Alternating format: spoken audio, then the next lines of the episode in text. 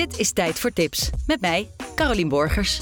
In deze podcast ga ik je elke week precies dat ene boek, die ene film, die ene podcast of dat ene album aanraden waarvan je denkt: Nou, die tip had ik nou net even nodig.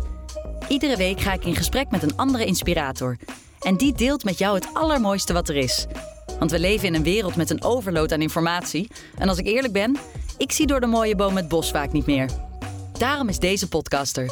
Om je elke week een helder, afgebakend stukje schoonheid te geven waarvan jij kan denken: ja, dat wil ik horen, zien of lezen. Tijd voor Tips is opgezet in samenwerking met de Mohi-app. Dat schrijf je M-O-H-I. De plek waar jij de allerbeste contenttips met je vrienden kan delen. Deze week in Tijd voor Tips. Emma Bruns zit hier tegenover me. Schrijver, publicist, onderzoeker en elke dag te vinden in het ziekenhuis waar ze chirurg in opleiding is. Emma, welkom. Ik kan me voorstellen dat jij heel spaarzaam met je vrije uren moet omgaan en niet zomaar elk stuk cultuur tot je kan nemen. Nou, inderdaad. Het is zo dat ik eigenlijk meer cultuur om me heen heb dan ik uh, tot me kan nemen. En uh, dat uh, is soms heel jammer, maar het leidt wel tot een selectieve keuze. Ja, je moet heel spaarzaam zijn en heel selectief zijn.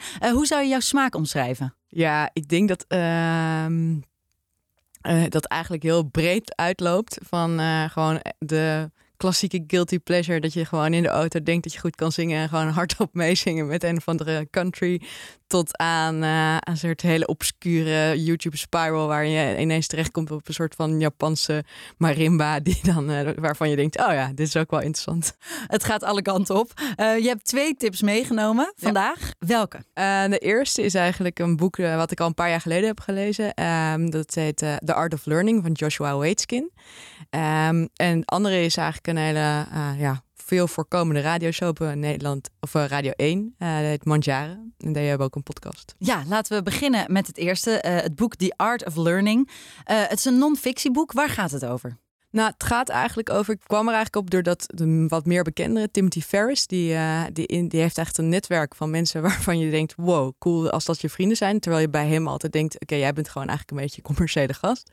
Maar hij kent dus een jongen, Joshua Waitzkin, en die is als kind uh, al heel vroeg schaakkampioen van Amerika geworden.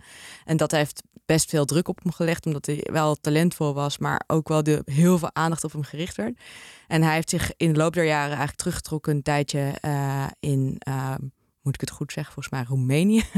uh, of, en um, daarna is hij zich weer gaan verdiepen in Tai Chi. En op dit moment geeft hij eigenlijk les aan mensen in de wereld om, die al op 95% in hun veld zijn en om tot de laatste 99% te komen. En hij beschrijft in zijn boek eigenlijk hoe je uh, hoe je iets leert. En met name uh, hoe je de rust vindt om zeg maar, de fouten en de stress en alle dingen die gepaard gaan met iets leren, hoe je daarmee omgaat. En jij zegt 95% en tot de 99% behoren, dat begrijp ik niet. Wat bedoel je daarmee? Nou ja, je kan je voorstellen dat iets leren, zeg maar ja, pianoles of uh, ja, um, ja, je leren skiën of wat dan ook. Dat is eigenlijk best makkelijk als je nog helemaal niks kan, tot aan het een beetje kunnen. Dan gaat het ook nog best wel goed als je dan wat beter wil worden dan de gemiddelde. Maar als je op een gegeven moment zeg maar Epke Zonderland bent of uh, ja, wie dan ook, dan is het best moeilijk om dan nog net echt de allerbeste te worden. En uh, dan gaat het vaak om hele, hele kleine dingen. En ook heel vaak om veel meer mentaal. Want op het topniveau presteert eigenlijk iedereen best wel hetzelfde qua vaardigheden. Dus dan gaat het vaak over wat er in je hoofd allemaal uh, zich afspeelt terwijl je dat aan het doen bent. En of je in staat bent om gefocust genoeg te blijven. Maar met name ook of je relaxed genoeg kan blijven, zeg maar à la Max Verstappen, om in die laatste bocht toch nog even Hamilton in te halen. Ja, want deze Josh Waitzkin is dus het beste geworden uh, in schaken op heel jonge leeftijd al. En daarna uh, in de martial arts is hij ook nog wereldkampioen geworden.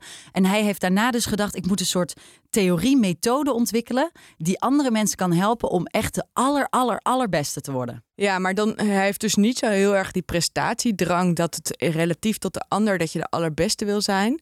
Maar wat hij eigenlijk heel erg eh, beschrijft is een soort intrinsieke motivatie wat je als kind al kan hebben om iets te masteren, zeg maar. En dat je dus, uh, ja, als ik het dan vergelijk met mijn eigen leven, zeg maar, het is gewoon uh, chirurg worden is een heel gaaf vak eigenlijk, waar je gewoon met je handen eigenlijk iets heel uitdagends leert. Maar um, de, uh, ja, de truc om het te leren gaat eigenlijk vooral met plezier te hebben in dat wat je doet. En dat dat ook uh, gepaard gaat met dat je iets heel vaak opnieuw moet proberen. En een van de dingen die hij bijvoorbeeld beschrijft, is een soort slowing down time.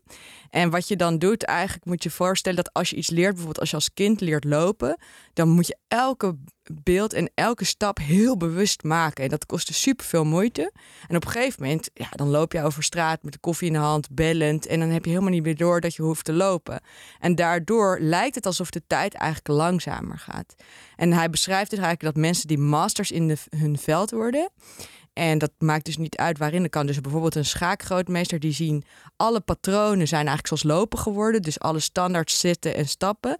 Alleen zien ze dat ene wat dan net anders is dan anders. En daar kunnen ze heel rustig over nadenken. Terwijl jij als, of ik als beginnende schaker nog alle, alle dingen in de gaten moet houden. Waardoor voor ons gevoel de tijd veel sneller lijkt te gaan. Klinkt als een utopie. Als ik het zo hoor, denk ik dat wil ik ook. Maar, maar zegt deze Josh ook dat het voor iedereen haalbaar is? Nou, het, uh, het gaat dus niet zozeer over welk niveau je bereikt. Want hij beschrijft ook al wat, denk nu in opvoeding en zo heel erg populair is, die growth mindset. Dat je niet zozeer het resultaat bekijkt, maar het proces er naartoe of wat je daarvoor doet. Het gaat er veel meer om dat je loslaat en dicht bij jezelf komt om te kijken uh, wie je bent en wat je daarmee kan bereiken. En uh, hij beschrijft dus in het schaken bijvoorbeeld, is het heel erg uh, populair om in schaakles ja, allemaal eindzetten en openingszetten en zo te leren. Terwijl hij is best wel een chaotisch en uh, ja, rommelig persoon. Dus hij heeft heel erg geleerd om zichzelf uit allerlei chaotische situaties toch te winnen. En hij is dus eerst heeft hij niet geprobeerd zich aan te passen tot te komen tot een soort van uh, evenbeeld van een schaakgrootmeester. Maar hij is veel meer in zichzelf gekeerd van oké, wie ben ik en hoe creëer ik een speelstijl die daarbij past en van daaruit beter te worden. En zou je dit boek omschrijven als een, een soort self-help boek? Ja, ik weet niet zo goed. Zelfhelp suggereert dus inderdaad dat je nu niet goed bent en dat je daardoor jezelf moet veranderen of zo. En waar eh, mij, ik heb dus best wel een tijd geleden gelezen, was ik veel gaver vond, is dat er dus uh, uh, iedereen eigenlijk probeert een soort idolen om zich heen te zoeken en zich daaraan te spiegelen.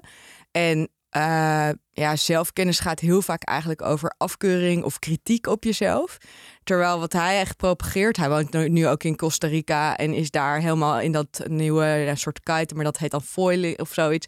Nou, dat is een soort kite boven het water. Nou, dat is dan zijn nieuwe ding. Mhm. En hij vindt het gewoon veel gaver om, om daar weer dan helemaal in te duiken in. Ja, hij zegt ook over zichzelf: ik ben niet een, inderdaad een, een, een pro in alles, maar waar ik vooral een pro in ben, is in leren. Ja, en dat is wat ik heel goed kan en wat ik ook het allerleukst vind. Ja, en ik denk dus ook als je zeg maar veel, als je terugdenkt aan je kindertijd en dat je bijvoorbeeld eindeloos tegen een tennismuurtje zat te oefenen of zo, dan was het gewoon heel leuk om dat te oefenen.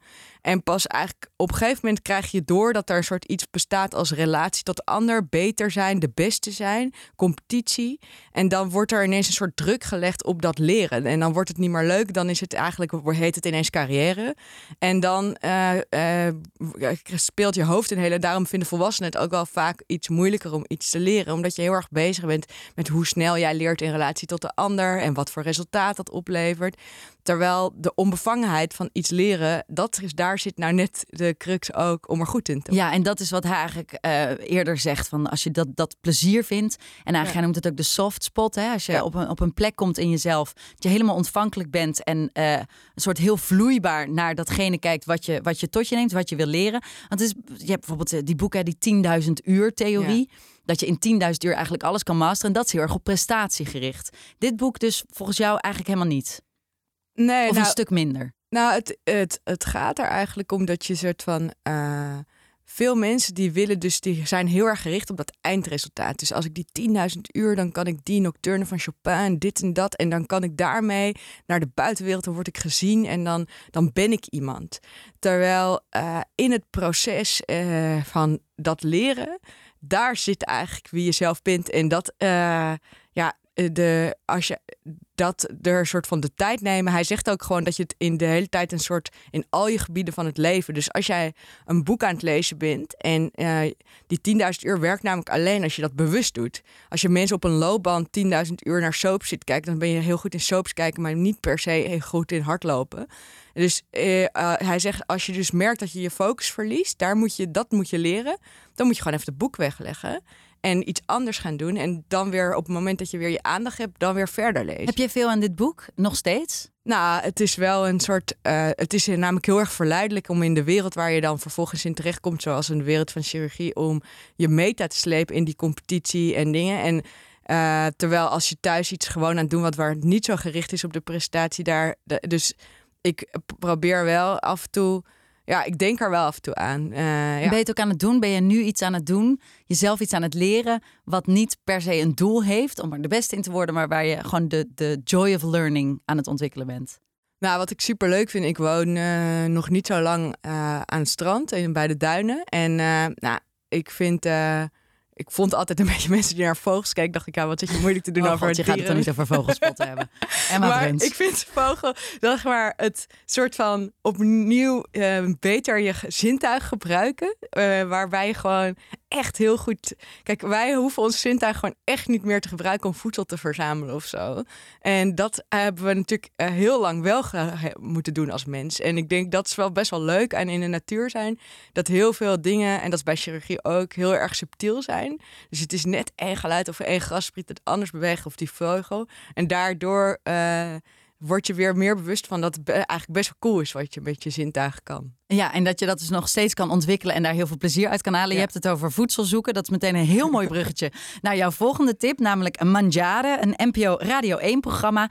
Uh, dat gaat volgens mij alleen maar over eten. Een uur lang eten. Um, ja, dat lijkt. Dat is een beetje een soort van thema natuurlijk. Mm -hmm. Maar het gaat eigenlijk wel ook. Wat ik heel leuk vind aan, uh, aan Mangiare is dat het. Uh, nou ja, dat is natuurlijk de laatste jaren ook steeds populairder geworden. Maar uh, voedsel uh, zegt eigenlijk superveel over um, ja, een, de verhalen achter mensen. Dus het is een soort noodzakelijk kwaad. Ook al kom je in de meest toeristische plekken, in, of in Singapore of waar dan ook. Ook de locals moeten eten. Dus al op het moment dat je een plek vindt waar de locals eten, dan kan je van daaruit meer begrijpen over uh, wat groeit hier? Uh, wat, is, uh, wat zijn de gebruikelijke kookmethoden? Dat soort dingen. En op basis van dat verhaal kom je weer heel veel te weten over de geschiedenis van mensen. En wat zij in dat programma heel goed doen, is dat ze een koppeling maken tussen een banale vraag: wat is, waar komt het woord pindakaas vandaan? En van daaruit terug naar tot aan Indonesië of dat soort zaken. Ja. Het is bijna antropologie eigenlijk. Ja, een beetje wel. Wat, het kom, komt eigenlijk overeen met in het oogschijnlijk normale of, of, of heel simpele, dat je toch een soort complexiteit vindt die, uh, waar je misschien aan voorbij gaat als je heel snel leeft of zo. Daar zit het, het bijzondere. En uh, waar, hoe kwam jij hierbij? Wanneer is Mandjaren op jouw pad gekomen? Um, nou, ik luister, ik ben wel eigenlijk iemand, ik ben niet zo goed in televisie kijken of documentaires of zo. En radio luisteren vind ik echt fantastisch, omdat je dan eigenlijk ook nog andere dingen kan doen. Zo, ja, opruimen of wat dan ook. Vogelspotten. Ja, en ik vind zelf koken best wel leuk. En uh, ja, uh, als je dan uh, op vrijdagavond of zo, dan kwam ik gewoon thuis van werk of, en dan ging ik zelf koken. Maar dan vond ik het eigenlijk best wel leuk, soms als je dan gewoon alleen bent, om een soort van toch, toch het gevoel te hebben dat je met mensen, uh, maar dat je niet per se interactief hoeft te zijn. En, dat, en dan ging ik gewoon zelf koken en dan luisterde ik een beetje. En zij gaan gewoon heel vaak ook, ja, nemen ze elkaar een beetje in de zeik of dat soort dingen. Maar het is eigenlijk een heel, een, een, toch een soort alsof er mensen bij thuis zijn, maar dat je er niet echt iets mee moet. Ja, want het is inderdaad alsof je aan een tafel gaat zitten uh, bij mensen die lekker kletsen, maar jij bent onzichtbaar, maar mag wel meeluisteren. Ja. Petra Possel uh, presenteert het. Chris Baayema, die heeft de reportages in zijn twee redacteuren, uh, Janneke Kuiper en Francine Knorringa, en die, die, die koken. En, en jij luistert daar dan naar. is het ook een soort meditatie voor jou? Nou, dat is overdreven. Nee, ik denk dat het is wel inspiratie in de zin dat ze vaak boeken of uh, uh, plekken of, of, producten hebben waarvan ik denk, oeh, daar uh, ga ik ook eens een keer wat mee proberen. Dus dat vind ik wel dan superleuk. Als je dan uh, de volgende dag zaterdag, dan ga ik vaak hardlopen en dan op de terugweg loop ik langs de markt of zo. En dan heb ik wel vaak dat ik dan iets waar zij het over hebben gehad. Ze hebben vaak een thema van een bepaalde keuken of wat dan ook. En dan dat ik die producten dan koop en dan dat ik daar mee ga proberen iets te maken. Of. Ik ben bijvoorbeeld helemaal geen, geen koker en ik vind het ook niet zo leuk. Is dit dan toch ook een podcast en radioprogramma voor mij? Ehm, ja, in ieder geval als je. Uh, kijk, dan is de vraag waarom hou je niet van koken? Oh god. maar maar uh, als je uh, toch een soort van wil begrijpen waar, waarom al die mensen nou zo druk zitten te doen over die uh, Harissa of die Moonbone of wat dan ook, dan kan je wel door die podcast dat ietsje beter begrijpen, denk ik. Ja, en je zegt hè, uh, waarom je dan koken niet leuk vindt. Om nog even terug te komen op die art of learning. Um, heb jij het idee dat iedereen alles leuk kan vinden? Nou, als het gewoon niet moet. Uh, ik denk dat uh, veel mensen het gevoel hebben dat er dus bepaalde dingen een soort van not done zijn om niet leuk te vinden. Zoals nu tegenwoordig is koken inderdaad best wel zoiets van ja, je kan eigenlijk niet aankomen met boerenkool met worst als je vrienden komen eten. Ja, tuurlijk kan dat. Uh, de, er is geen verplichting om iets leuk te vinden. Het is alleen zo dat ik wel denk dat mensen vaak ver weg van wie ze als kind waren of zijn om te weten wat ze ook alweer leuk vonden. Dus ik denk dat soms moet je gewoon even terugdenken aan toen je als kind, waar, wat zijn je herinneringen waar je echt super blij van werd? En dan moet je dat gaan doen. Wat zijn dat bij jou? Uh, nou, wel dingen, sporten met een bal. Die vond ik super leuk. Ik weet niet waarom, maar dat, dat vond ik echt heel leuk. En uh, ja, uh, dingen, ja, uh, mijn broer en ik hadden een soort Lego waar je dan ook mee kon programmeren. En dan kon je een soort autootje maken, bijvoorbeeld, dat dan zelf wist waar het einde van de tafel was. En dan stopte die met rijden en zo. Dat vond ik echt superleuk. Wat schattig. een autootje dat zelf weet wanneer het moet stoppen met rijden. Uh, dus jou, jij zegt eigenlijk, uh, hou dat vast. En dat boek, The Art of Learning, uh, helpt daarbij. Geeft je eigenlijk een mogelijkheid om, om het plezier te behouden in dingen. Ga je het nog teruglezen? Want je zegt, ik heb het een tijd, een paar jaar geleden gelezen. Ga je het herlezen? Ja, daar ben ik dan misschien iets te selectief voor in mijn tijd. Dat ik dat niet zo vaak doe. Maar misschien zou ik het wel eens moeten doen, ja. Nou, in ieder geval, als je nu geluisterd hebt, dan denk ik dat het een absolute tip is om te gaan lezen. The Art of Learning, Josh Waitzkin. Zeg ik dat goed? En de podcast en het uh, radioprogramma elke vrijdagavond om half acht door Petra Possel gepresenteerd Manjaren. Emma Bruns, dank je wel voor je tips. Voor nog meer tips luister je volgende week weer naar Tijd voor Tips. Of check je de mooie app met daarop nog meer inspiratie. En mocht je nou zelf een waanzinnige aanrader hebben, laat me dat dan weten door een mailtje te sturen naar tijdvoortips.mooi.app.